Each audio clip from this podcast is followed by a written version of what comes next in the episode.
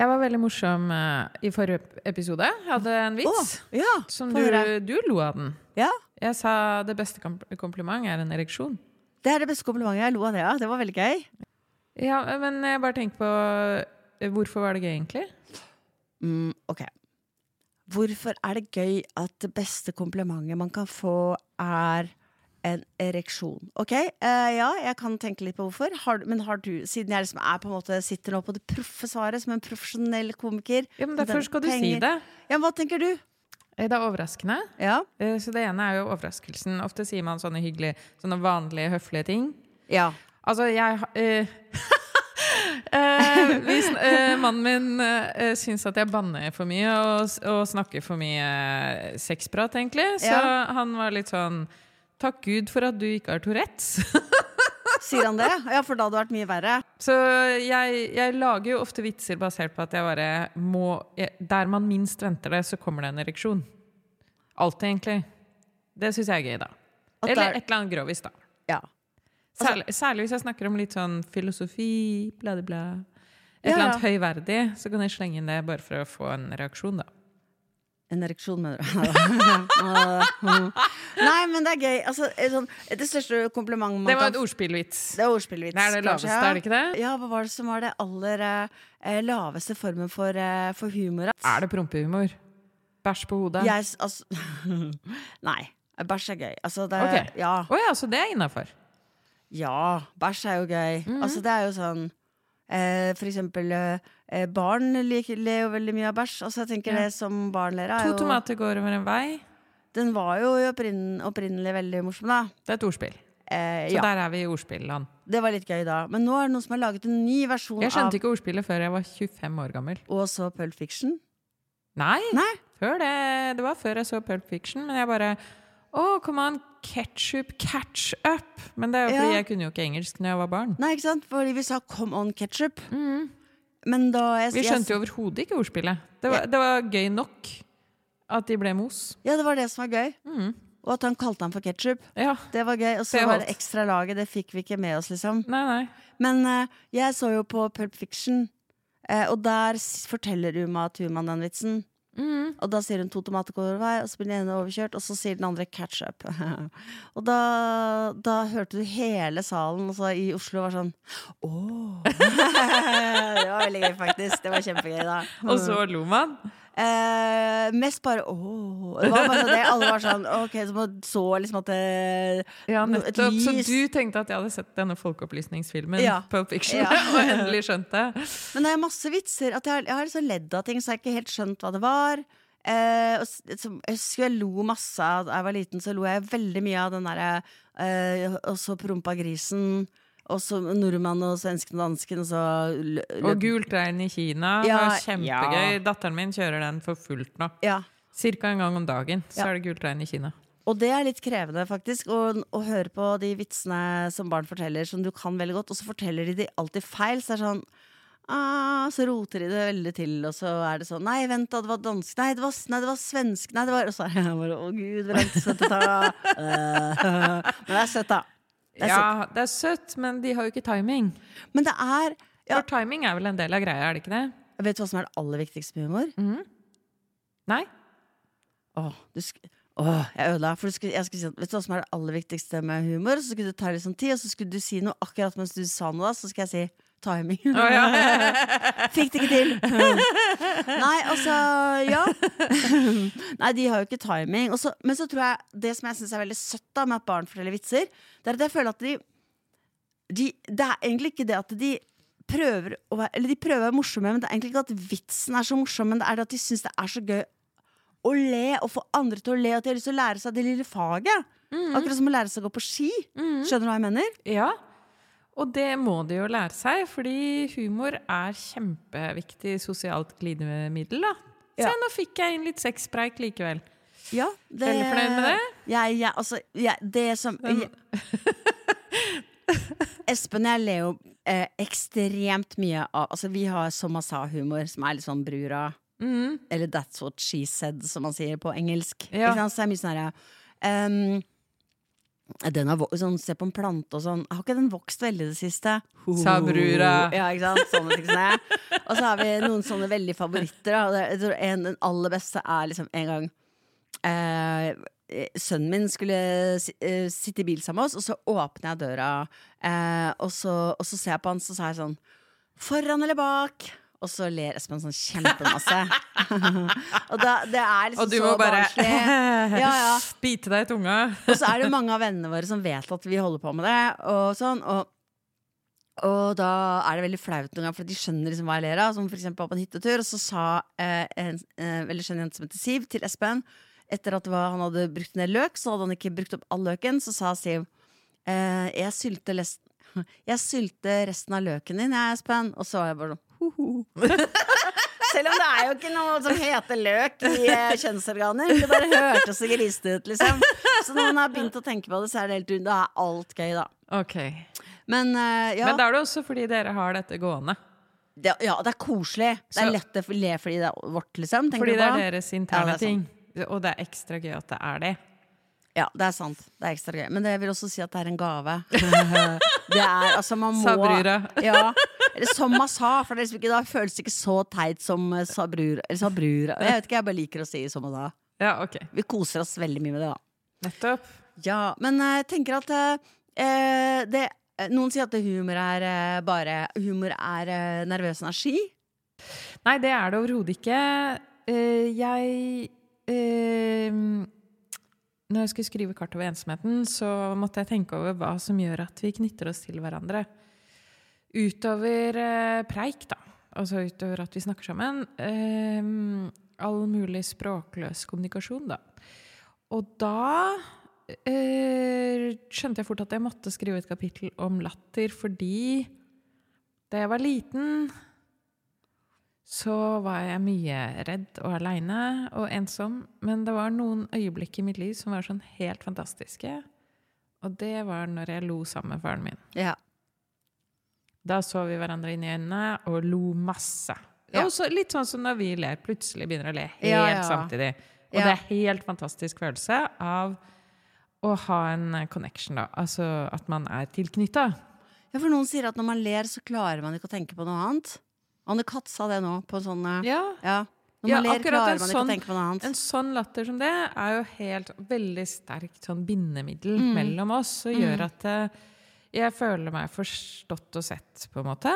På en helt sånn intuitiv måte, da. Mm. Hvor du ikke må forklare det, eller det er ikke noe sånn eh, mellomledd. Nei, nei. Det er, bare, Dette har det er lyden, sammen. liksom. Ja, og det er lyden, og det er kroppen din, og du er engasjert, og det skjer der og da. Ja, ja, ja, absolutt. Og, det, og så tenkte jeg på den gangen jeg var sånn veldig Jeg var veldig ensom som student. Det er helt vanlig. 30% av norske studenter føler på ensomhet. Og det er ikke så rart, egentlig, fordi du er litt lost, da. Du er på et nytt sted, i en ny setting, og du skal bli voksen for første gang ofte. Og er, du er litt lost, eh, rett og slett. Og jeg hadde ikke så mange venner da jeg fant liksom ikke min gjeng, på en måte. Vi har jo snakket om tidligere, det var det jeg begynte å røyke bare for å få venner. For Ja, jeg var- gjorde det på ungdomsskolen, så det Ja. skjønner jeg veldig godt. ja. Ja. Jeg gjorde det som godt voksen. Jeg følte at jeg var liksom kul, liksom. At det var liksom tøft. Men det er jo, ja, det er sant, det er jo liksom eh, Det det Jeg gjorde det dumme der. Det er enda stussligere når du vet bedre. Ja, når du er faktisk over 20. Ja. ja. Uansett så eh, var jeg jo veldig, veldig lost og følte meg veldig ensom og utafor. Og så begynte jeg å gå på Cinemateket. Og så gikk jeg på Cinemateket og så Woody Allen. ja. Eh, det var en sånn hel serie med Woody Allen, så jeg så alt av Woody Allen. Og jeg så alt av Bergman og alt av Tarkovskij osv., for jeg hadde jo ikke noe annet å gjøre. Og ingen venner. Eh, men da gikk jeg og så eh, Annie Hall aleine Ja. på Cinemateket. Og så er den kjempemorsom. Jeg har masse problemer med Woody Allen nå, det kjenner jeg. Men det visste vi jo ikke da. Det visste vi ikke da, så jeg bare elska Woody Allen. Alt med Woody, Woody Allen. Og så er det en scene i Annie Hall som alle ler utrolig mye av, og det er når Woody Allen får en sånn boks med full av kokain. Og så, Ja. og så sier han oi, dette må være kokain for mange tusen eh, dollar. Og så begynner han å nyse, og så nyser han all kokain over hele stua. Ja. Og da ler alle kjempe, kjempemye. Og så bare Det var så deilig. At jeg satt i et rom og lo sammen med masse andre folk og følte meg helt sammen med dem. Ja, for dette er skikkelig, skikkelig fellesskap, da. Da var det fellesskap. Jeg kan også si at jeg så The Others på Alene på kino, som er en sånn skrekkfilm som handler om at det er flere lag med døde som bor sammen fra ulike tider. Åh, åh Ja. nei! Det vil jeg aldri se. Og jeg, jeg, jeg er så redd på kinnet. Jeg skrek og hylte, og jeg var helt alene. Og det var så flaut. Og da må jeg bare si at det å være livredd sammen med andre, og hyle og skrike som den eneste på kinnet, det eh, føltes Det ikke godt. ikke- det er ikke Nei, det var ikke det. Nei, nei. Så det gir motsatt effekt. Nå må jeg bruke to, to, eh, to minutter på Woody Allen. Fordi det er liksom sånn Jeg elsker Woody Allen. Altså, men jeg ja, bare òg. ta Og jeg tror jeg må snakke om det. For jeg føler bare at jeg kan ikke altså, Når du først har nevnt det, så føler jeg Woody Allen og humor er på en måte For meg det er så viktig, Mm. egentlig. Men det som og det største offeret jeg har gjort i mitt liv For jeg har bestemt meg for at jeg aldri skal se en Woody Allen-film igjen så lenge han lever. Okay. Fordi at han skal ikke få de pengene, liksom, eller whatever, da. Ja. Ikke sant? Men, øh, men øh, Og jeg håper at jeg klarer det. Men øh, det, er jo, altså, det som er saken med Woody Allen, er jo at han At stedatteren hans sier at han har forgrepet seg på henne. Ganske drøyt, for han var veldig liten. Og uansett, altså Noen er sånn Ja, det er ikke sikkert det, og sånt. Da. Og det, det er sant, jeg var ikke der, men, øh, men øh, jeg tror det. Og så, men det, uansett så giftet han seg i hvert fall med adoptivdatteren til, øh, til kona si. Sin. Ja. Sin. Nei, hennes. Ja, men altså Han Ja. bodde jo i huset med henne. Nei, de bodde hver for seg. Oh, ja, okay, Ja. Ja. De bodde hver for seg, men De han bodde- var sammen med Mia Farrow. Ja, De bodde på hver sin side av Central, Central Park, tror jeg. Så de var, Jeg syns ikke det holder, ass. Det holder jo ikke. Selvfølgelig ikke. Det hjelper ikke om man bor på hver sin side av en dam eller park. Men, eh, men det, ikke sant, da hadde jo på en måte det, det, Altså Det er så galt på så mange måter som det kan få blitt galt på. Uten å egentlig moralisere, men også tatt ganske sånn oppskjønne bilder av henne. Ikke sant? Det er utrolig drøyt. da. Altså, når folk er sånn 'jeg vet ikke hva som er sant', så er det sånn 'hvorfor lurer du på det'? Han er gift med adoptivdatteren til kona si. Er det bra, liksom? Vil du gifte deg med eh, datteren til liksom, kompisen din, liksom? Altså, det er bare veldig rart. Uansett, så jeg, Og at han alltid på en måte promoterer eller liksom slår et slag for eldre menn som er sammen med svært unge Ja, kvinner. før, før så tenkte vi jo ikke på det. Det sitter jo 40-årige professorer i filmene hans og diskuterer å ha et forhold til en 17-åring. Og da var det liksom greit, men det er bare ikke greit. Nei, og jeg, jeg er jo nå lærer for ung, unge folk på sånn 20. Mm. Tenk om jeg kom til deg en dag og begynte å diskutere at jeg skulle ha sex med en av de 20-årige guttene som jeg lærer for. Ja. Altså, det er jo klink kokos, det er jo helt sprøtt. Det er jo science fiction. Jeg ville jo aldri gjort det. Nei, du Det er ville jo aldri gjort barn. det. Jeg ser jo, ser jo blikket til de der ungdommene. Det er jo barn. Ja, ja, altså, Jeg har ansvar for dem, jeg har makt over dem. Jeg kan fortelle dem hva de skal gjøre med livet sitt. De hører på meg med andakt. Altså, det er ikke sexy. Men også Nei, det er det i hvert fall ikke. Men også er det også det at liksom når, når eh, Hvis man går til psykolog da og innleder et forhold til den psykologen, så så har man jo mista psykologen sin. Så blir jo litt sånn, Da har du jo på en måte mista Det er også et element her. ikke sant? Mm. At du, det, det, det Altså, du er adoptert fra et annet land eh, til en dame. Hvis, da skal jo på en måte hun være Det er moren, og så skal hennes ektefelle, på- selv om de bor hver for seg, være en slags far. da Ja. Så har du også mistet en far. Så det er liksom bare så, det er så feil og galt. Liksom. Men når jeg sier sånn feil og galt, så føler jeg meg veldig moralistisk. Men litt moral må det være lov å ha. Det er veldig gøy at vi skal lage en liksom, Ja, vi snakker om humor, det blir kjempemorsom sending. Så jeg bare sånn Woody Allen er helt jævlig. Sånn bare, bare. Men ok, jeg elsker Woody Allen av hele mitt men- eh, hjerte. ja, det Dette var et av de første møtene med min uh, kommende ektemann på den tiden. da. Hva- Eh, ja. Jeg var så heldig at jeg, de, de spurte forskjellige folk om de kunne velge en film som de Ja. ville at alle skulle se. ja. Og da valgte jeg den helt fantastiske filmen 'Stardust eh, Memories'. Den er helt fantastisk, av Woody Allen. Og da kom min kommende ektemann, som jeg ikke kjente da, han kom og, og så på. Uh, For han kjente meg liksom litt, så han kom og hørte på da. Og så på. Og skrev til meg etterpå at det var veldig fint og sånn. Og så, så gikk det litt tid, og så ble vi jo sammen, da. Og nå står nå er vi Her bor eh, Mathilde og Woody Allen. Ja, ja. Alt i huset vårt er nå en hyllest til Woody Ja, Allen da, på grunn av den filmen og Men jeg hadde jo sånn eh, Jeg hadde veldig sånn greie med at Woody Allen At jeg følte at det, han var på en måte Altså han var, han var Jeg følte meg sett av Woody Allen da. Ja. Altså var det sånn Jeg følte at han, han, han jeg, tenkte, jeg tenkte helt seriøst At hvis Woody Allen hadde møtt meg Så ville han laget en film om meg Mm. Eh, fordi at jeg liksom er jo veldig kompleks, da. Og spesielt menneske. Og, og det føl, føler man jo i hvert fall når man er eh, 20, liksom. At jeg er bare sånn, jeg er det mest spesielle. Eh, jeg tror ikke det er så mange andre som tenker på det jeg tenker på. Sex, mat, utseende. Liksom- sånn. Men, eh, ja. Men eh, det at jeg var nevrotisk og sånn, da. Ja. Så var det på en måte et sted?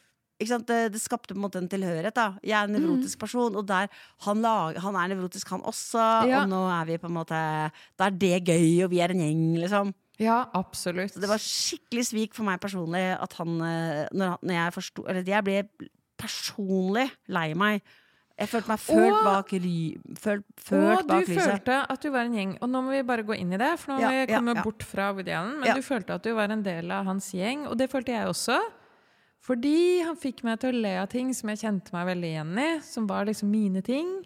Mm -hmm. ikke det med kokain, da.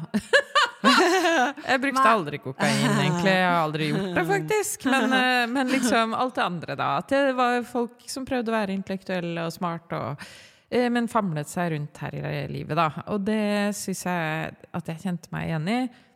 Og grunnen til at jeg på en måte virkelig følte at eh, det var et svik, var jo at jeg følte jeg hørte til med Woody Allen. Og grunnen til det igjen var at han fikk meg til å le. Ja, ja, ja. Fordi den latteren er så sterk tilknytning at det føles på tvers av et lerret. eh, På tvers av tid og rom.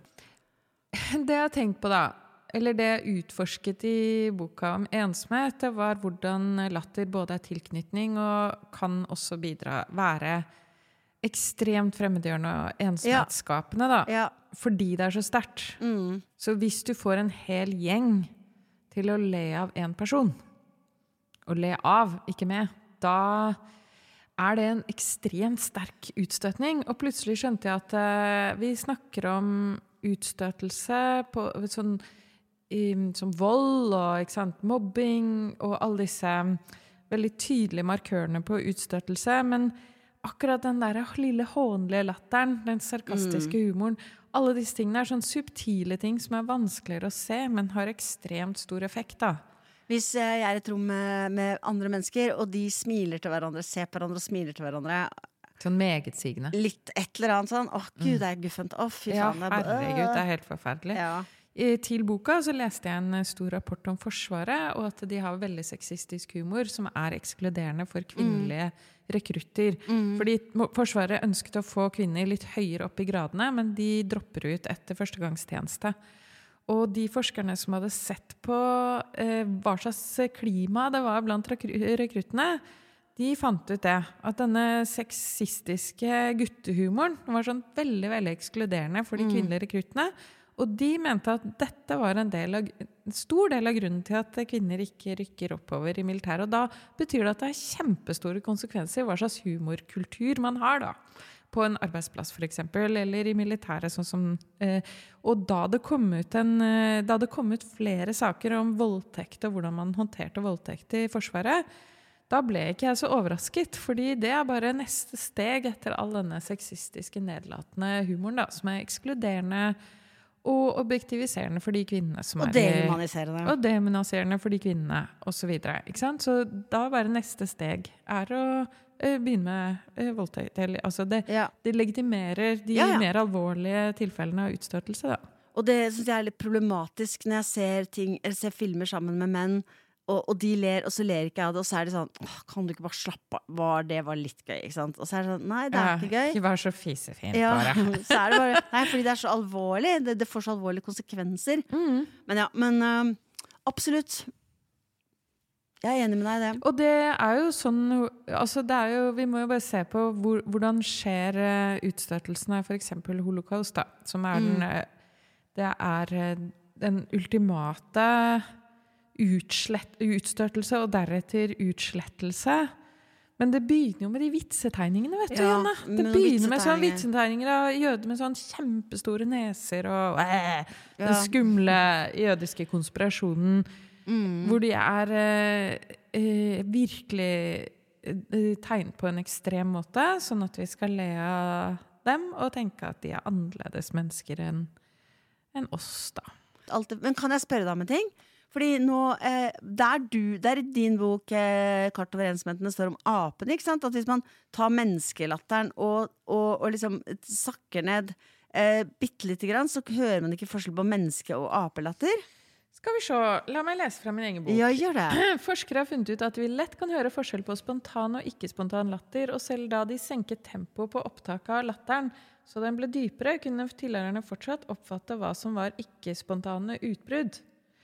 Men tilhørerne til dette merkelige opptaket kunne ikke skille apelyder og en spontan menneskelatter, noe som viser at latter i sin reneste form er nær naturen og vårt opphav i apeslekta. Men tilgjort latter, det kan man høre at det ikke er ekte. Ja, Det var interessant. Det var interessant. Man kan høre det veldig godt, Mm. selv om man endrer tempoet på opptaket. Ja, Eh, fordi vi er så fininnstilt på det. ja, Fordi det er kjempeviktig for Den tilgjorte latteren er jo farlig. ja. Ha-ha-ha-ha! Det er litt skummelt, liksom. Da tenker du denne personen er ikke helt med meg nå. Nei, nei. Eh, Fordi dette er jo en sånn helt sånn spontan, fysisk måte å, å knytte noen til seg. Ja. Men jeg har også forskning som viser at vi ler gjennomsnittlig 18 ganger om dagen. Og da er det sjelden av vitser. Ja, ja. Det er mer sånn at vi ler av oss selv at vi har glemt noe. Oi, oi, oi. Eller at Eller det var sånn, noe gøy vi så. Nei, se, det var rart det der setet. Ha-ha, Ja, på bussen. ja, ja, Um, det er 30 ganger mer sannsynlig at vi ler når vi er i en gruppe, enn når vi er alene. ja. 30 ganger mer sannsynlig. Så det er jo en av grunnene til at uh, standup er jo mye morsommere når du går på det, enn Altså- når du er hjemme og ser på Netflix. Standup og Netflix. Vet du hva? Du, hvis, i, eh, vi snakket om komplimenter i eh, forrige episode av Prosjektmenneske. Og da sa du hva er det største komplimentet du kan få? Er det at noen ler av deg, eller, altså, eller ler av at du har vært morsom? Ler av vitsen din, da. Ja. Men eh, faktisk det aller største komplimentet jeg kan få, kommer jeg på nå, det er når folk forteller meg og sier at liksom, jeg lo så mye, jeg lo alene. Ja, Da ble jeg helt sånn Yes, det var kult, liksom. Det var gøy. ja det, for det skal veldig mye til, da. Det er noen få ganger jeg har ledd alene av en bok, eksempel. Ja, det har jeg også gjort. Men så det kan, jeg også, så kan du også le av en bok, eksempel på tog, at det er andre folk der. Og da da, da liksom deler jeg på en måte gleden med dem, selv om de vet jo ikke hva jeg ler av. Men det føles liksom da Jeg har det sånn med gråt òg, da. Mm. Jeg ser vanskelig å gråte jeg ser lettere nesten å sette meg på, et, på et kjøpesenter og grine enn å grine hjemme. Altså, jeg føler min gråt er et rop om hjelp. ja, Ok, dette er bare klin kokos. ja, kanskje, men jeg føler også at det er litt sånn Hvis du ingen, ikke tenker at noen kommer for å trøste deg, da er det kanskje ikke noe vits i å gråte, da. Eller sånn, da har jeg liksom resignert litt, eller sånn. Jeg gråter sjelden alene. Ler okay. mer alene enn jeg griner, tror jeg. Ja, ok. Men det er vanskeligere å le aleine enn sammen med andre, i hvert fall. Det kjenner du også. Men du, altså det er mange ting å si om humor. Det er bra, dårlig, bla, bla, bla. Men jeg har bare lyst til å si én ting om humor. Eh, og det er at jeg føler at i mitt liv så er eh, humor og det å le eh, og det å ha det gøy er liksom, det tror jeg er liksom min liksom, gave. Det er det jeg setter pris på aller mest av alt i livet. da Og selvfølgelig det å få At jeg Ja, eh, Sigrid Bonde Tusvik sier jo det, kaller det for gaven, det å kunne få folk til å le. Men det er også en enorm gave å ha så mye humor som jeg må si at jeg har. Det er kanskje ikke jeg var født med det, men siden jeg holdt på med det så mye. Eller at det er det jeg fikk eh, komplimenter for da jeg var liten, eller ja, eller måtte bruke da jeg var liten for å overleve i gruppen, whatever. Men i hvert fall har det gitt meg en sånn enorm, enormt mye glede. Og en gang så så jeg på et eh, program med Kristian Valen, eller et intervju med Kristian Valen, og han ble spurt om eh, hvordan han eh, parodier, hva som skjedde, hvordan skjønte han at han kunne parodiere noen. Og da sa han at han fikk grønt lys. Og det var veldig gøy, for jeg kjente meg veldig igjen i det. At du, du Hva betyr det? altså, det er det jeg skal si nå, da. At, Ja. han, liksom, at han fikk sånn Han så en person, og så kunne han ehm, eh, At det var bare hans uttrykk, da, grønt lys. At han kunne At han fikk liksom klarsignal på at denne personen her kan jeg parodiere. Eller her er det masse å parodiere, og jeg kan gjøre det, liksom. Så kribler liksom, Da så jeg for meg for sånn her at da, da kribler det liksom i kroppen min, og så kommer det ut, liksom. Ja. Og, og, og jeg parodierer jo ikke folk, men liksom det, det, er, det kommer en vits, og den, den, klør, den klør og bobler og vil ut, liksom. Og jeg gleder meg, liksom. Og så kommer den ut, liksom, og så er det gøy, liksom. Og det er bare en helt fantastisk opplevelse. Eh, og noen ganger så var, er det ingen som ler av det jeg sier, og det er veldig flaut. Eh, og kanskje var upassende, det er også flaut, men det er sånn bare det, det øyeblikket før det skjer, når jeg tror at nå skal jeg si noe som gjør at alle kommer til å le og være sammen i dette fantastiske, morsomme øyeblikket, det er liksom beste følelsen jeg kan ha. Mm. Ga det mening? Ja, ja, eller jeg har det sånn når jeg skriver, og Ja. særlig hvis jeg skriver noe morsomt. da. Ja. Jeg må bare innrømme at når jeg skriver noe morsomt, så ler jeg høyt selv. ja, ja, selvfølgelig. Da ler jeg alene. Da er det masse Da ler jeg så høyt alene, Ja, ass. faktisk, ja, og det er så av og til når jeg skal lese det opp for folk også, så får jeg kjempelatterkrampe. Ja. Så jeg hadde skrevet i Leksikon om lengsel, så skrev jeg om, en, om unge verters lidelser. Mm. Så skrev jeg om unge, unge verter er jo en fortelling av Goethe, en roman av Goethe, hvor unge Werther blir forelska og til slutt tar livet sitt fordi han elsker Lotte så mye han får henne ikke. Mm. Og det syns jeg var så teit at jeg ville gjøre et narr av det. Det gir jo mening å gjøre narr av folk som tar livet sitt. Ja. Eh, Så jeg skriver om unge Werthers egentlige lidelse, og det er at han gråter hver gang han får ereksjon. Så han tror at han er veldig følsom, men egentlig er han bare kåt. og så bare utbroderer jeg det veldig, så får jeg kjempe utrolig latterkrampe når jeg skal lese det høyt. da. Men det, an det merker man jo når man leser, at den som har skrevet det, har hatt det gøy. Ja, Ikke sant? Altså, sånn, eh, fordi i den samme boka så skriver du et eller annet altså Det er helt i starten om eh, en som skal gå på bibliotek Nei, en bibliotekar, og at det kommer inn en jente som må bæsje, og at, at det åpenbart er veldig sånn greie med at du tenker at hun det at, hun, eh, at, det, at han ikke klarer å forestille seg det, eller at det er ikke med i vår forestilling om hva en kvinne skal gjøre, særlig ikke på den tiden når hun skal inn på bibliotek. Også, et, også et veldig bra eksempel på, for du sa er bæsj gøy? Og da tenker jeg sånn, ja, det er gøy, men det er jo særlig Det her er jo altså sånn i sånne type sammenhenger hvor det liksom ikke passer inn i det hele tatt, og ikke egentlig er sånn teit. Det er egentlig ikke teit i den sammenhengen her. Det, er så, det, det syns jeg er veldig bra her. At det som er teit, er at han klarer ikke å forestille seg det. For hun skal liksom være sånn ren. Hun er så opphøyet og ren, Ja. og han begynner å skrive poesi om Ja, denne ja. kvinnen som hadde kommet inn egentlig for å bæsje. Ja. Ja. Men så Ja. har han bare idealisert henne utover. Så hun er bare en engel, liksom. Hun kan jo være det og måtte bæsje, men eh, ikke i hans forestilling, da. Det syns jeg var gøy. Men jeg syns, det har gjort, gjort, meg, eh, gitt meg veldig mye. Og jeg syns også det å, å dele opplevelser hvor vi ler, har gitt meg veldig mye. Eh, og at jeg møter folk som har det man kaller for samme humor. Eller at folk som jeg uh, blir kjent med, gradvis utvikler en humor sammen med meg. Sånn som jeg har følt at det har vært veldig med Espen av mannen min. Jeg føler mer du og jeg var mer like. Vi skjønner, hva vi, vi skjønner hverandre med en gang. Kan begynne å le med en gang. Ja, Mens vi han- begynner å le helt spontant samtidig. Ja, faktisk, ja. Det er skikkelig rart. Og Og fint, da. Det er veldig fint. Og Espen og jeg ler kanskje liksom, litt tid, tok litt tid liksom, før vi fant formen. Men da Ja. har vi masse greier sammen, ikke sant? Ja, ja, ja. Ja. Ja, som den sa brura. Ja, det, det, Skulle ønske det var noe kulere enn det, men ja. Ja, absolutt. Ja, ja. Ja, mannen min har en veldig Han er britisk, da. ja de har han- jo han veldig god humor. Han er jo litt skada da, Ja. så, av det. Så Mm. han har veldig sarkastisk humor. Og det kan være et problem. Fordi når vi snakker om sarkasmer, da begynner vi å tippe over i den negative, vonde humoren, som kan være ekskluderende. Så av og til, på en dårlig dag, da, når jeg er liksom premenstruell og jævlig, da er det Sorry. Det var sånn tegn, tegneseriehosting. Eh, Det, Det var sånn for å dekke over at du ja, at du var premenstruell også. mensen. Hva sa du, mensen? En sjokkert hosting. Ja. Uh, hvis jeg er premenstruell og har en skikkelig dårlig dag, så er den sarkastiske vitsen er ikke gøy i det hele tatt. Nei, det er ikke det. Og jeg blir lei meg. Og eh, jeg må si sånn Hva mente du egentlig med det? Fordi sarkasmer og ironi har noe sånn dobbelt ved seg. Mm. Du må være veldig trygg på den personen og ha en veldig Du må føle deg veldig vel selv, da, hvis du skal ta den der ironiske kommentaren, da.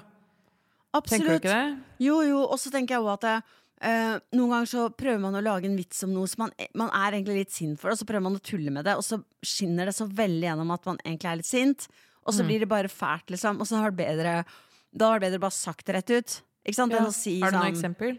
Jeg tenkte på det mens jeg snakka, at jeg bør ha et eksempel, da, men eh, eh, Ja, OK, det kan Veldig sånn typisk, da. Tenk hvis du tar noe som er mitt, da.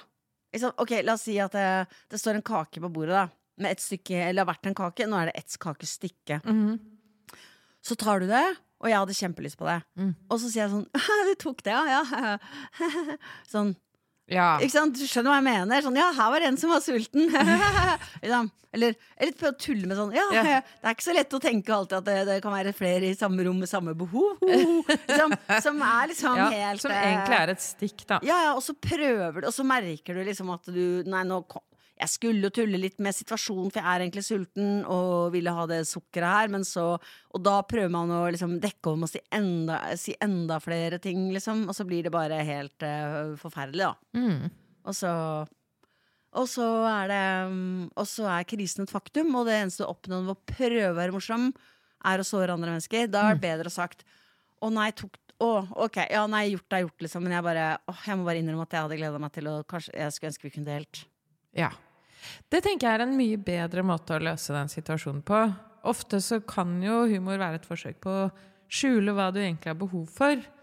Og det har jeg eh, gjort mange ganger, sånn den type kommentar som det der, Ja. som er sånn så ja. Det er ikke bra, liksom. Det er bra. Det er mye bedre å bare uttrykke dine behov, og så bruke humor til de hyggelige tingene.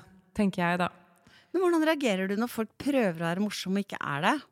At det, det er ikke noe slemt eller noe sånt. Du bare mer Litt sånn som med barn, da, at de prøver å fortelle den der, de gult trærne i Kina, og det er en voksen, og, de, og så ler de, og så ser du at de er kjempeusikre og ler sånn rar latter selv. Hva gjør du da?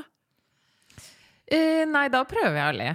Jeg prøver det, og så tenker jeg at eh, Og det er litt som eh, den forskninga viser, da. At eh, man ler jo sjelden av vitser. Man ler jo mer for å bare være med, og være sammen med den andre i å le. Og at når vi ler sammen, så blir vi jo litt glade begge to. Ikke sant? Så heller det enn å bare se sånn dødt på noen, da. Men jeg vet jo om folk som gjør det, og som har sånn Jaså, liksom. Dette var dårlig. Jeg tror jeg kan, det er en dårlig Jeg tror jeg kan ha litt sånn når folk gjør det, så kan jeg sitte og tenke sånn Går dette snart over, liksom? Det er utrolig usympatisk. Men at jeg blir sånn Ja, men du, er jo, du jobber jo med humor, da, så det, det, jeg skjønner jo at du er litt strengere enn meg, men jeg er sånn Ok, all latter er god latter, egentlig. Vi bare skrur det på. Det Det går fint. Men jeg tror liksom ikke at det er det at jeg jobber med det som er liksom Er så er sånn, Akkurat som det er bare en sånn At det er en hellig ting for meg. Kanskje andre er veldig glad i musikk. da Så er det kanskje nesten som å høre en falsk tone. At det blir sånn Å, Ja. legg fra deg den blokkfløyta, liksom. Eller Mens jeg på en måte bare er sånn Å, nei, å, å, det er vondt å høre på. Jeg syns det er Jo, men det tenker jeg er fordi du er, eh, jobber med det og har tenkt mye på det og kan timing, og du skjønner liksom det finslipte ved det her apparatet, da. Eller det kommer av at jeg også er veldig usikker og Eller vet at akkurat hva det er. Og, som en sånn trying to hard. Sånn, slutt å prøve, slutt å prøve, bare vær vanlig, liksom. Og så Ja. ser du de strever og strever. Ja, Og jeg begynner å se ned ja, og late som det ikke skjer, og situasjonen bare blir verre og verre. ja da. Ja, jeg kan jo ha det sånn når jeg leser dårlig litteratur, da. Så kan jeg få sånn Ikke Nei, gjør det-! Ikke nei. skriv sånn! Nei! Nei! Uff, ja. Og gå feil! Og det har jeg. Og gå-feil er masse, så det er veldig vanskelig. Jeg prøver å lære meg de reglene, men jeg glemmer det. Så det er det er en av grunnene til at jeg ikke skriver så mye, er at jeg er redd for å gå og-feil. Ja ja, men altså Jeg er ikke så streng. Det er vel kanskje mer hvis jeg syns at hele tonen i det jeg Ja. leser, er veldig sånn pompøs. Da jeg liker ikke pompøse ting. Eh, så godt, egentlig. Kan tåle det òg. Det kommer an på. eh, vi, tilbake til humor, da. Ja. I, ja, hva, hva skulle du si? Nei, eh, en annen ting som jeg syns er litt komisk, da, det er at eh, mange mennesker tror at eh, folk er, ler av helt forskjellige ting. Som for eksempel ja, her, jeg føler det er litt sånn Her på Kulturhuset så er det Det må jo være litt deilig for deg, liksom. Kan du komme her og ha litt sånn intelligent humor og sånn? Og så er det sånn Dere ler av akkurat det samme. Det er, liksom, det er ikke noe forskjell, egentlig. Folk skjønner det samme stort sett, da. Med mindre det er sånn jålete. Altså, modellen, ok, modellen går jeg med på at det er jo Det kan være kanskje- litt jålete. ja, kanskje ikke jålete, men det forutsetter at du har utdannelse. Eller ikke, jeg Det er veldig utdannelse. middelklasse et eller annet. Ja, ikke? Du må være en bestemt type, kanskje være nevrotisk, og det blir regna som liksom flott, da. Men, men Ja, for Woody Allen selv er jo ikke akademiker. Nei, han er ikke det, da. Det er Nei, er derfor jeg liker han så godt. Ja, ja, han, ikke, han beskriver et miljø han egentlig ikke tilhører, på en måte. Og det er, beste, det er jo det beste utgangspunktet, selvfølgelig. Å ja, hvorfor det? Jo, for når du er midt i det, så ser du det ikke. Men når du kommer utenfra, så ser du ofte ting veldig tydelig. Ah, ja. Som for eksempel eh, eh, at, du, at folk tror at de er eh, liksom forskjellige Altså, i, altså på å si bunad, da. Mhm. Eh, Hvis du ser liksom noen flere folk med bunad som står og snakker om at det er veldig viktig å ta vare på liksom individualiteten, og du aldri har sett en bunad før, så tenker du sånn Dere vet at dere har på dere helt like klær, liksom. liksom det er på en måte komisk. Da. Ok, du har de, Alle går til litt dit. forskjellige farger og Ja, bla, bla, bla, men det er jo samme greia. og smykke på samme sted, Mm. og samme teite sko og de dumme strømpene. Det er, dere er helt like, liksom. Hva er det dere snakker om, liksom? Så det er jo alt Jeg tenker at all kunst eh, Ok, det her er en, bare en hypotese, men jeg tenker at all kunst kommer fra noen som ser ting eh, utenfra. Og så er det kanskje noen som har evnen til å se ting utenfra, selv om du er midt i det, da, av en eller annen grunn. Men jeg tenker at enten så er du fra, eh, for eksempel, fra en stor by, flytter til liten, om, eller omvendt, eller du er syk. Ikke sant? Det er mange kunstnere som er sengeliggende. Da kan man tenke at ja, men da hadde de tid til å male og sånn. Ja, men de hadde også og til å observere. Ja, men de er også annerledes. De ser hva andre kan. Og ja, og så Jo, videre og så jeg, videre. jeg tenker kanskje det. At det er liksom det at du, du ser at disse holder på med noe som jeg ikke holder på med. Og jeg er jo eh, kommer fra en, jeg kommer fra en metodistfamilie. Mm.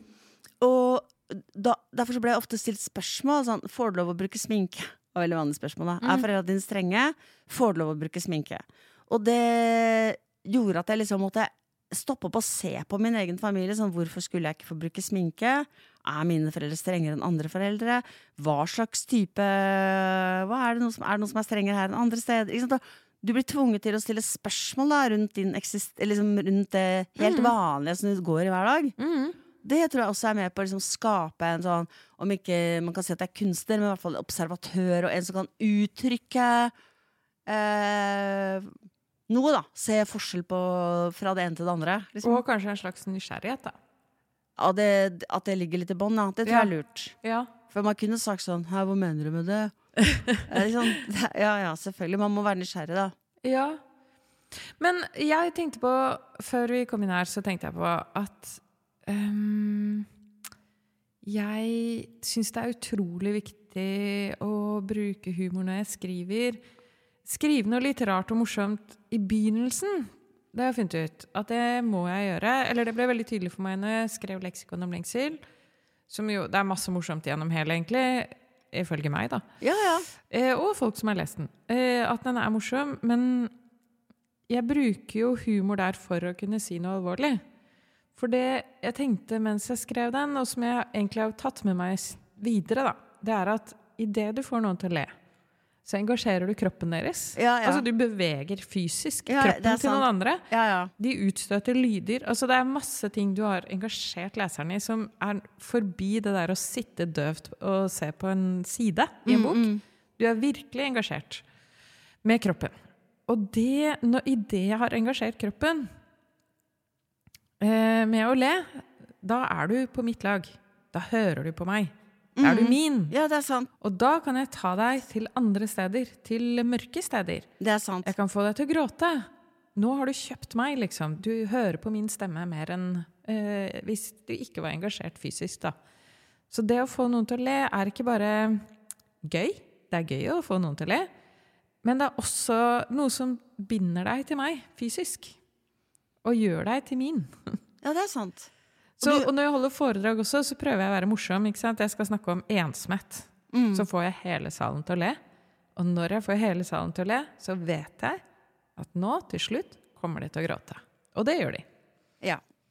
Så kynisk er jeg. Og det syns jeg er så fint med deg, Hilde, at du får oss til å gråte og gå og gråte. Det er veldig bra at det kom men på slutten. Ja, men jeg vil jo at noe skal gjøre inntrykk.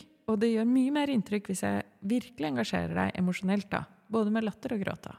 Men du snakka nettopp med en skuespiller som snakka om et stykke de skulle sette opp som egentlig ikke var noe komedie, akkurat, men de skulle, de skulle på en måte Det var viktig å få folk til å le likevel. I begynnelsen, var det sånn? Ja, ja det, er, det var interessant, fordi da snakket eh, hun om nettopp det. At idet noen ler helt i starten av et sånt stort og tungt eh, stykke, da vet man. Da har man dem. Da har man publikum i ballene. Da vet Det var min, mitt uttrykk. Ja. Eh, For da vet du at du får engasjert dem gjennom et kjempelangt og tungt stykke med masse alvorlige ting som kommer til å skje. Da tåler vi mye mer. Da tåler vi mye mer av det mørke hvis vi, har, hvis vi har begynt med å le, da, og er med liksom med den latteren, da. Men jeg tror følte meg ganske snytt hvis jeg hadde gått for å se et langt teaterstykke. da Og så hadde jeg ledd masse i starten, og så ikke noe mer resten av stykket. Og hadde jeg følt at å nei, ok, da De sa det var gøy, men det var ikke gøy. Men det var ingen som sa at dette var gøy. så det, var, det er bonuslatter. Det var mer en overraskende latter. Den bonuslatteren gjør at du tåler veldig mye mer av alvoret. Tenker jeg. Men det betyr ikke at den latteren bare er instrumentell, bare for å få deg til å tåle andre ting. Tenker at latteren eh, lager det spennet, da, sånn at du får det morsomme og rare og pussige ved livet. Og så da kan du også tåle å se livet. Ja, og vi må litt tilbake til uh, Woody Allen når du sier det. For at du, eh, vi snakket jo om at det er Woody Allen som har sagt at eh, komedie er tragedie pluss tid. Og hva betyr det egentlig? Det betyr at det, når noe er, når det skjer noe veldig tragisk, og så går det litt tid, og så kan man le av det. Å ja.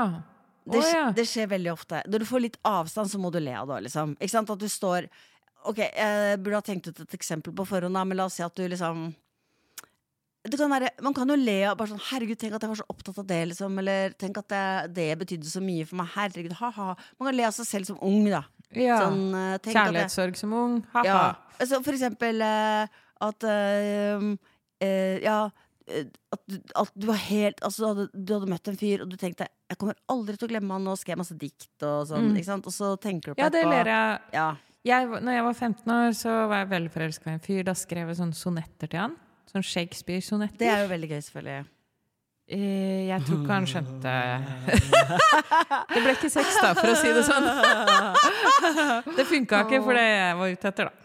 Men jeg føler at all tragedie er eh, komedie når det har gått tid. Og det er veldig fælt når andre skal bestemme at det skal være morsomt. Og sånn. Men blant komikere så er det jo en sånn greie som heter too, altså man sier det too soon. Det har du sikkert hørt. da Ja, Too soon. ja.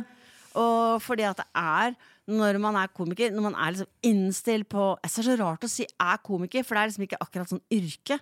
Men det er liksom allikevel sånn når, Ja, når du er komiker, da, så så, så ler du så fort av ting som er helt forferdelige. Det er jo ditt forsvarsverk også, ikke sant? Mm. Så du ler av eh, veldig alvorlige ting som skjer, da. Kanskje mens det skjer rundt Ja. deg. Så ser Ja. du et eller annet som ikke Nesten som bombingen av Gaza. Ikke akkurat det, men du, et eller annet som blir sagt. Det kan ikke bli humor, det. Nei, men det er det at det er det som Siden jeg skal være helt ærlig, da, så er det at det, det er ikke det. Så det, er, det er selvfølgelig ikke gøy, men så er det sånne småting. Kanskje no, måten noen formulerer seg på, eller en eller annen som har misforstått. Og fordi det er så forbudt å le av det, så ler man av det. Og det føler jeg også at humor er jo på en måte også Altså, det er forferdelig, det eksempelet jeg brukte nå. Men det, måtte, Men det er blitt laget humor på Gaza. ja, men jeg måtte bare bruke det som et eksempel på Mm. at liksom det, det betyr ikke at man er et dårlig menneske. Det betyr bare at man, man det, er også, det, er, det er en måte å se verden på, men også hele ditt forsvarsverk Mm. er å le. Ja. Ler kanskje istedenfor å gråte mange ganger også. Men jeg lagde en vits her forleden som jeg fikk kjeft for på Facebook. Jeg får ofte kjeft for de vitsene jeg slår på Facebook.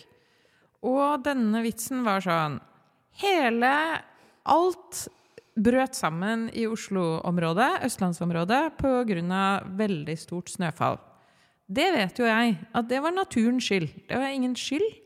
Men alle togene sto, alle bussene sto, trikkene sto etc. Ehm, og så dagen etter dette enorme snøfallet så hadde Bane Nor invitert til fest. Men det var jo planlagt for lenge siden, og det skjønte jeg også.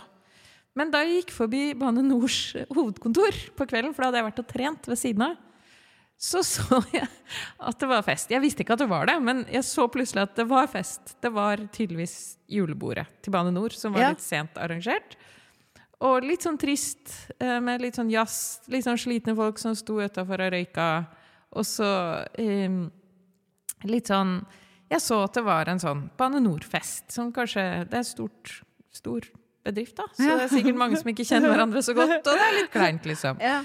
Og så bare lagde jeg en vits om det, at eh, kanskje det var evalueringsmøtet av gårsdagens eh, togstans som bare har utartet til å bli en fest. Og det syns jeg var gøy å se for meg det, og jeg syns det var litt søtt og rart og komisk og pussig.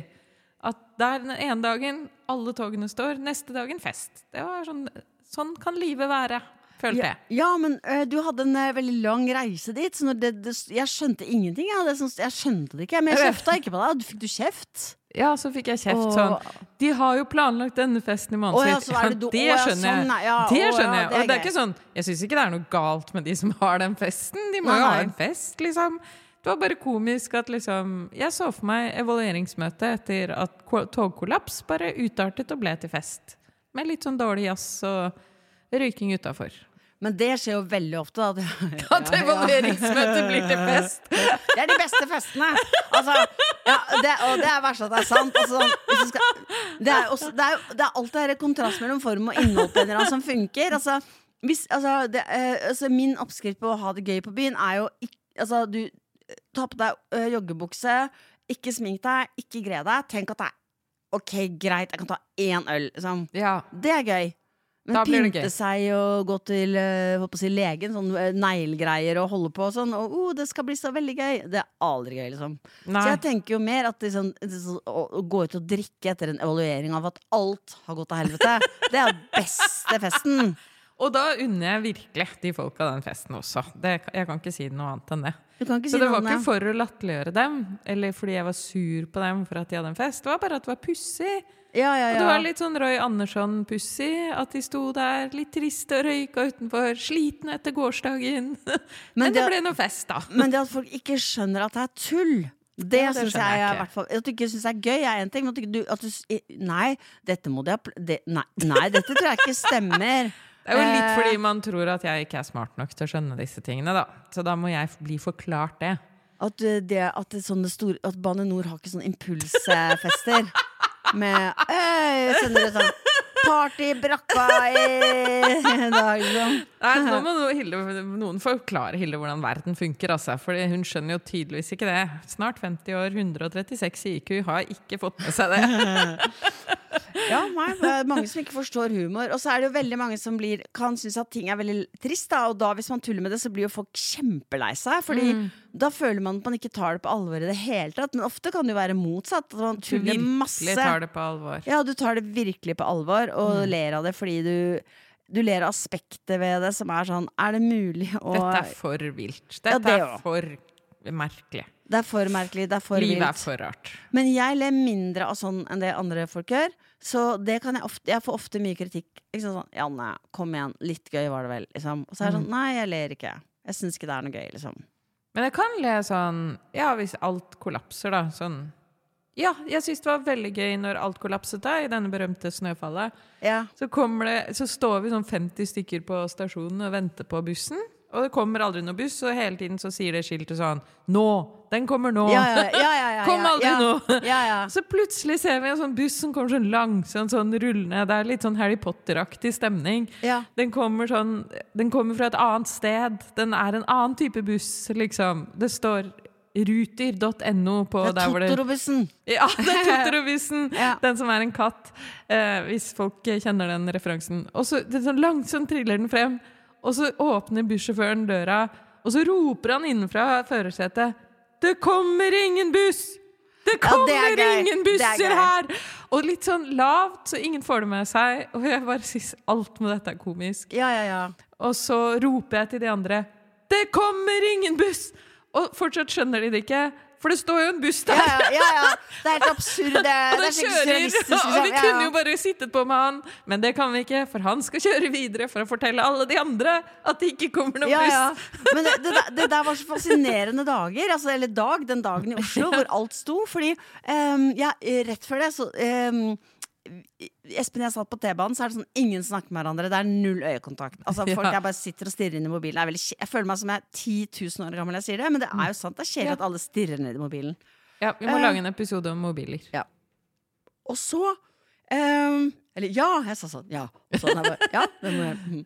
Men uh, uh, ja, så, Og så sier jeg til han sånn Det hadde vært et interessant eksperiment. Hva, eller hva hadde skjedd hvis jeg hadde tatt mobilene fra folk i en uke? Og så var det sånn Men ikke sånn at det skulle få konsekvenser på sånn derre eh, At ikke du fikk kjøpt rut, altså billett. Og, det er ikke sånn, sånn liksom, men bare at det eh, Spennende å se hva folk hadde gjort da, hvis ikke de fikk kjøpt eh, billetter på app. Det var ikke det jeg tenkte på, men sånn på buss, eller at det ikke var lov å bruke det på buss, da. Mm. Whatever. whatever. Altså på, i, offentlig, i offentlighet. Et eller annet. Skjønner. Uansett. Eh, Direktiv fra myndighetene ja. fra nå. Så snakka vi litt om det. Og så, eh, og så eh, kom det noen dager etterpå, altså, tilfeldigvis da, uvær, som gjorde at folk ikke kunne se mobilen hele tiden. Fordi de måtte, for eksempel når vi gikk, så måtte vi jo se hvor vi tråkka. Eh, og vi måtte også samarbeide litt, ikke sant? Det var sånn eh, og måtte si fra om ting. Altså sånn eh, Du, jeg tror det er lettere å tråkke her, eller no, Jeg skulle gå ned en trapp, og helt ned, så noen skulle opp, og så lo vi masse. og og det, det ble liksom en Det ble bare sånn samhandlingsdagen. Og da satt smilene og latteren så løst. Og det var eh, eh, Ja, for da lo vi av det. Her står vi liksom til knes i snø og, og sånn. Men eh, hvis noe tilsvarende alvorlig hadde skjedd, men vi kunne hatt liksom sånne briller på hodet hvor vi ikke så hverandre, så hadde vi jo ikke ledd av det. Nei, ikke sant? Så det var en sånn Da, da tenkte jeg å, det her er sånn humor og glededagen. Selv om det var bare Og alle smilte til hverandre. Ja, sånn, alle smilte, og Ja. snakka masse sammen. Og Ja. Hæ, det kommer virkelig ikke noe buss! Ja, ja, ja, Og vi kunne si det mange ganger til hverandre frem og tilbake. Det var like interessant. Til og med noen ganger så bare gikk jeg for, Når det var sånn veldig kaldt, så gikk jeg bare forbi noen. Og så gikk, altså Vi gikk bare forbi hverandre, men det var så kaldt, så vi så på hverandre med sånn blikk så var sånn Gud, det er kaldt, liksom. Sa ingenting, smilte hverandre, gikk videre. Å, Ja, ja. Deilige Dette er crazy, dager. liksom. Ja, ja. Crazy kaldt. Ja, vi opp, men det er jo også vi opplever noe sammen. Samhold. Hva gjør man når man sitter på mobilen? Man opplever hver sine ting. Du ler av en kattevideo, jeg googler oppskrifter på pasta. Altså er vi er helt på vår kattevideoer er innmari gøy, da. Så Ja. det, det syns jeg ikke vi skal Vi skal ikke gå dit at vi angriper det. Det syns jeg ikke.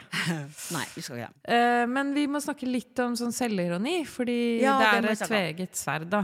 Og jeg har funnet ut at det er ikke et tveegget sverd, det er et treegget sverd okay, med få høre. eh, tre forskjellige uh, bruk av eh, selvironi, mm. og hva det kan gjøre for oss. Det er klart at hvis du er veldig trygg på deg selv, så er selvironi er jo bare noe som gjør deg mer sjarmerende. Mhm. Eh, og binder andre til deg. Mm. Du ler av deg selv, andre ler av det du ler av, og så blir man venner. Ikke sant? man slapper av i hverandres selskap. Man viser Man at virker ikke så perfeksjonistisk. Man er liksom 'Jeg er klar over mine feil'. Du virker som om du har selvinnsikt, og det er veldig fint, da. Ja, og, og litt sånn Jeg har noen feil, du har noen feil, vi alle har feil, og det Ja. går bra. Liksom. Man virker altså, veldig raus. Ja, da blir det lett å være venner med Mm. en person som er sånn, da. Ja. Men så fant jeg ut at eh, Så leste jeg forskning på humor blant 11-12-åringer, og da fant jeg ut det at jeg det er forska på det i England, og der finner de en korrelasjon mellom selvironisk humor og eh, at man utsettes mer for mobbing. Mm. For det er et eller annet med at den selvironien kan jo fort bli en invitasjon til andre til å le av deg. Le av deg og ikke med deg.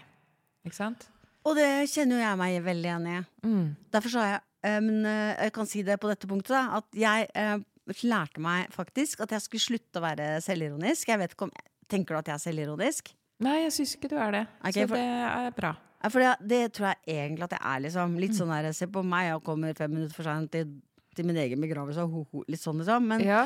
men eh, så var det, lærte jeg det av en venninne at hun sa jeg har slutta med selvironi, Fordi da hadde hun en kjæreste som brukte det liksom mot henne. Mm. Liksom. ja. Og det, liksom, for hun hadde en sånn veske som var veldig sånn hipp Hun tulla med at det var sånn hippieveske. Og så, og så plutselig sier han etter sånn Og du med den hippieveska di. Ikke at det er noe gærent å være hippie eller hippieveske, da, men Nei, det, var på en måte, det ble litt sånn nedsettende. Det ble kjipt i den sammenhengen, da. Ja, ja. Eh, og da tenkte hun bare sånn Ja, jeg har ikke selvironi mer. Og det var veldig rart å møte henne dagen etter at hun hadde slutta med selvironi. Og ja, så hun gikk cold turkey. Ja, ja, Mm. og det var sånn, jeg bare Ja, haha, du og sånn. eh, og hun bare Nei, eh, jeg tar meg selv veldig alvorlig, liksom. Og det var Ja. veldig rart, da. Ja. Fordi det er jo sånn kompliment å si Hun tar ikke seg selv så utydelig. Mm. Men jeg også tenkte da Nei, jeg må ikke åpne den døra der for hvem som helst. Du kan tulle med meg da. Mm. Ja. Jeg, kan, jeg tuller jo veldig mye med deg, ja. og da ler du jo masse. ja. Fordi du vet Da at føler jeg meg sett. Ja. Jeg føler at da du ser, eh, ser det gøye med meg. Ja, og det er jo ikke sånn Da av kjipe ting. Da le, og kanskje ler av ting som uh, vi deler, eller da Og jeg, antagelig har du, lager du en vits som jeg allerede har lagt opp til, og sagt et eller annet sånn gøy om selv, da. Nei, jeg finner på helt egne Men Ja. nå kan vi jo uh, sveipe innom Hannah Ja. Gatsby og hennes forestilling Nanette. Ja. som er veldig berømt. Et eh, veldig berømt eh, standup-show som alle bør se. Fordi det begynner nettopp med det. Det begynner som et vanlig standup-show, og så beveger det seg nettopp inn i disse smertepunktene her, hvor hun sier 'jeg gjorde alltid narr av meg selv'. Mm. Hvorfor gjorde jeg det? Jeg gjorde narr av at jeg var tjukk, at jeg var lesbisk. Jeg gjorde alle de tingene her for å gjøre meg selv mindre. Hvorfor det? Så begynner hun å fortelle om det overgrepet hun ble utsatt for. Eh, så hun viser på den måten at hun har bidratt til å ødelegge for seg selv å rive seg selv ned.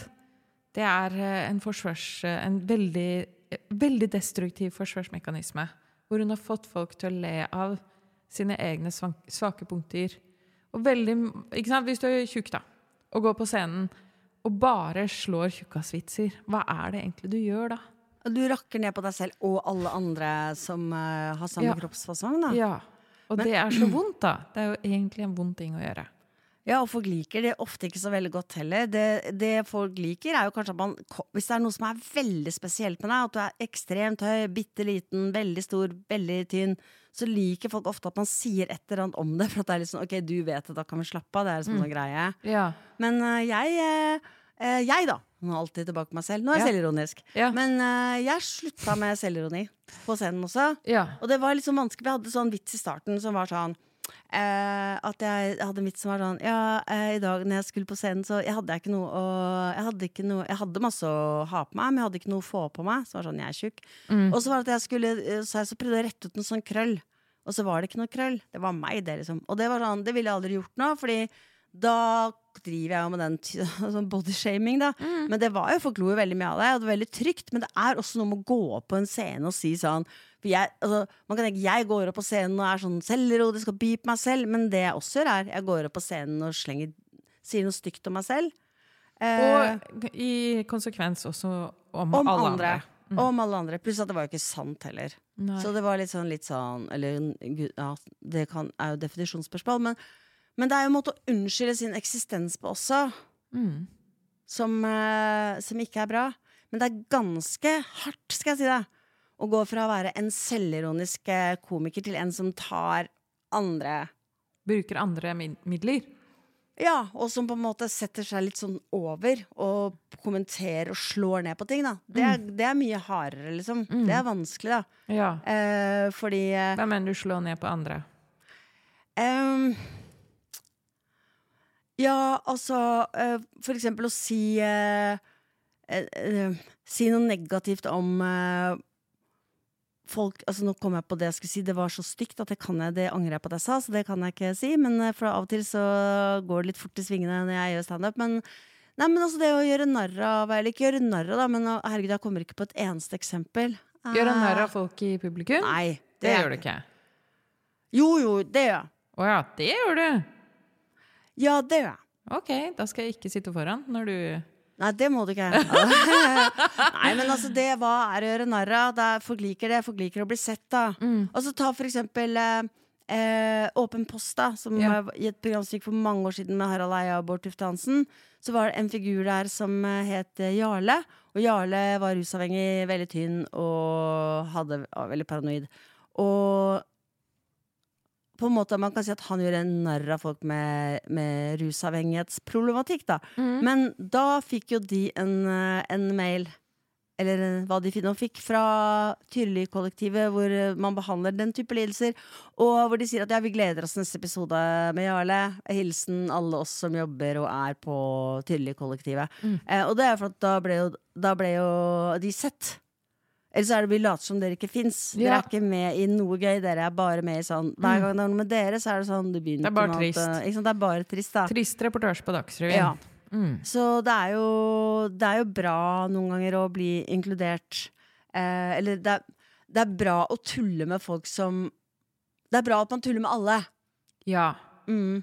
Men det, det må gjøres på riktig måte, da. Det har vel alltid med måten å gjøre, har det ikke det?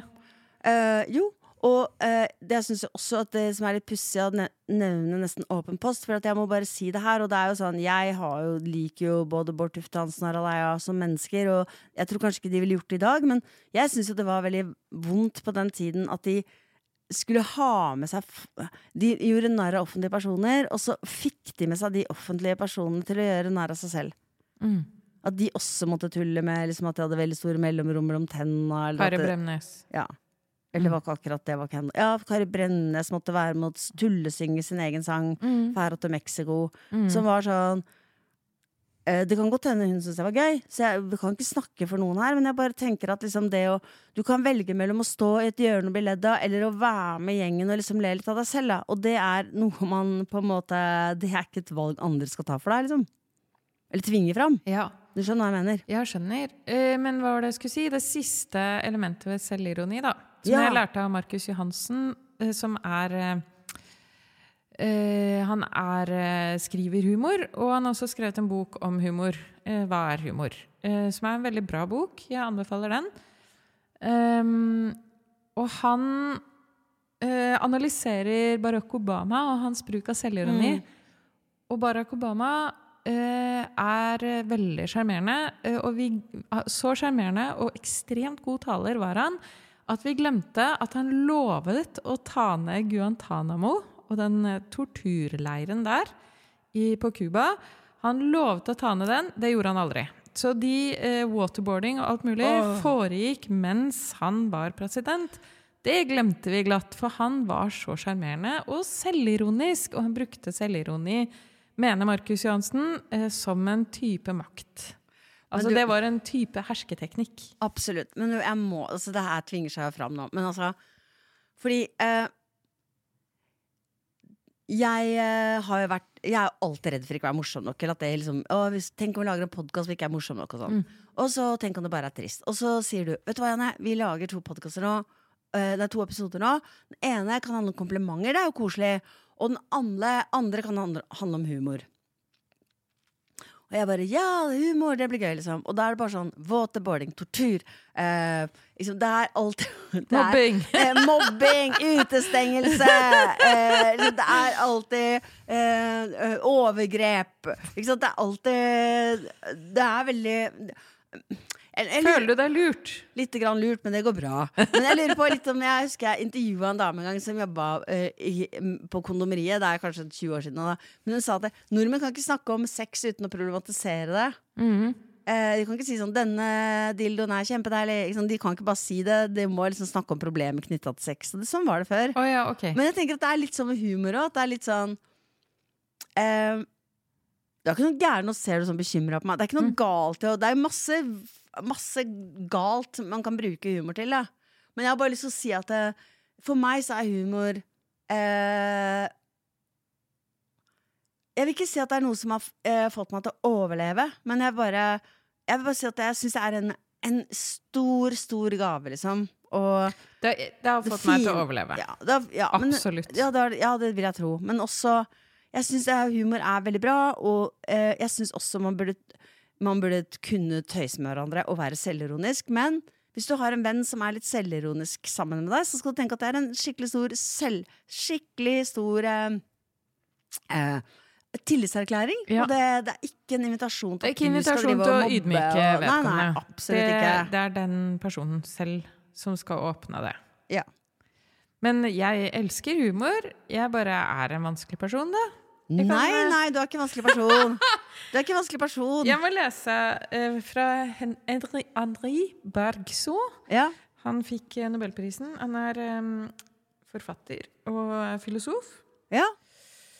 Og har blitt utsatt for det ene grå overgrepet Nei! Han ble Nei. torturert veldig mye Mens før han han skrev kreft akkurat og- dette. Ja. Neida. Eh, det, eh, eh, han skrev en, en hel bok om latter, ja. som heter Le Rire. Og der skriver han latter trenger alltid et ekko. Latteren vår er alltid noe som skjer i grupper. Det har kanskje skjedd deg at du sitter i en jernbanevogn eller ved et restaurantbord og har hørt andre mennesker dele historier som må ha vært komiske for dem, for de ler hjertelig. Hadde du vært i det selskapet, hadde du ledd som dem. Men siden du ikke er det, har du ikke noe ønske om det. Å, har ikke noe ønske om det. Det er ikke sant. Jeg føler Hvis jeg er på fest og noen ler, så har jeg alltid lyst til å gå bort til de folka som ler. Men da er det jo aldri gøy når Ja, man du, kommer du, dit. har ikke, du skjønner ikke vitsen, da. Å, nei, ikke vitsen, det, var, det var poenget hans. Og Å. så skriver han hvor ofte er det ikke blitt sagt at jo fullere et teater er, desto mer ukontrollert blir publikums latter. Altså, han prøver å si noe om hvor sterkt det fellesskapet er, da. Ikke sant? Hvor fantastisk det er å le sammen med andre. Det er fantastisk. Da Det er ler helt man bare fantastisk å lese enda med mer. andre. Man ler mer av at man ler sammen. Og derfor burde folk gå på kino og i teater. Og, og så det siste, mitt siste poeng er, og som jeg skjønte mens jeg skrev det her, og som jeg også eh, skriver om i boka Altså, det er en eh, Nå husker jeg plutselig ikke hva han heter, men det er en teoretiker som, he, eh, som har, skrevet om eh, det som heter mirth. Altså eh, Unnskyld, Hilde, kan vi ta en til, siden vi allerede må Nei, jeg skal bare skrive, si ja, men jeg, siste jeg skjønte ikke, skjønner, så jeg lurte på om vi bare kunne ta Siden jeg skjønte ikke hva du mente, så det ble helt teit. Hva da? Nei, siden uansett må Nei, klippe jeg det med annen og sånn. Nei det, nei, det der med Kan du bare lese en gang til? Jeg skjønte Kan du bare være sånn å lese det med han forfatteren og det vogna? Jeg skjønte ingenting, skjønner du, så jeg bare jeg vil gjerne bare høre det en gang til. Det handlet egentlig bare om hvordan vi ler sammen. Ja, men Kan du ta det en gang til? For jeg, jeg ble så forvirra, så jeg bare ja, Sorry, siden vi først stoppa, så tenkte jeg jeg kan stoppe en gang okay. til. Sorry, sorry. Ja. Nå okay. er det noen som skal inn her, Ja. så vi må forte oss. Hun står der og skal inn. Ok, ja. Uh, ja, den uh, franske uh, filosofen og forfatteren Henri Bergson han skrev en bok om latter i mellomkrigstiden. Og han skriver latter trenger alltid et ekko. Latteren vår er alltid noe som skjer i grupper. Det har kanskje skjedd deg at du sitter i en jernbanevogn eller ved et restaurantbord og har hørt andre mennesker dele historier som må ha vært komiske for dem, for de ler hjertelig. Hadde du vært i det selskapet, hadde du ledd som dem. Men siden du ikke er det, har du ikke noe ønske om det. Altså, du skjønner ikke vitsen. Han sier hvor ofte er det ikke blitt sagt at jo fullere et teater er, desto mer ukontrollert blir publikums latter, sier han. Fordi når du er sammen, det viser seg jo, da er det større sjanse, 30% mer sannsynlig at du ler, enn hvis du ikke er sammen med andre. Når det er Men, sagt men jeg skal bare si en ja, siste okay, ting. ja. Det viktige her er sånn Latteren er god, og den er god sammen med andre. Men eh, det er en annen teoretiker som jeg nå ikke husker navnet på, ikke har tid til å bla frem heller, men han snakker om mirth, altså lattermildhet. Det blir ikke noe latter hvis du ikke er i humør til latter. Nei. Så når jeg er stressa og drar ungen min med meg, så er det dødt her. Hun klarer ikke å slå en vits. Det hjelper ikke at hun sier bæsj eller ikke av det, liksom. Men hvis jeg skrur på den der mirth, altså den der lattermildheten, så er jeg klar for at hun skal fortelle meg en vits. Og det er jo litt det som skjer når man går inn og skal høre på standup òg. Idet du går inn, så skrur du på den derre 'nå skal jeg le'-greia. Ikke sant? Absolutt. Og det er jo enda en grunn til at man bør prøve å være litt avslappa og senke skuldrene. Det blir ikke tid til kattevideo! Jo, det blir det. Ok, da må du være rask, for det står noen og venter på å komme inn i studio. Ja, men ja. Eh, Det er bare Jeg sa til henne at vi kommer nå. Ok, ja. Men eh, det er ekstremt eh, mange veldig morsomme kattevideoer. Det er en kattevideo hvor katter driver og sender sånn baller til hverandre, og så er det en av kattene som bare ikke skjønner noen ting. Som bare står der. Eh, og så får han ballen i øyet. Å, det var gøy! ok! Ha det! Ha det!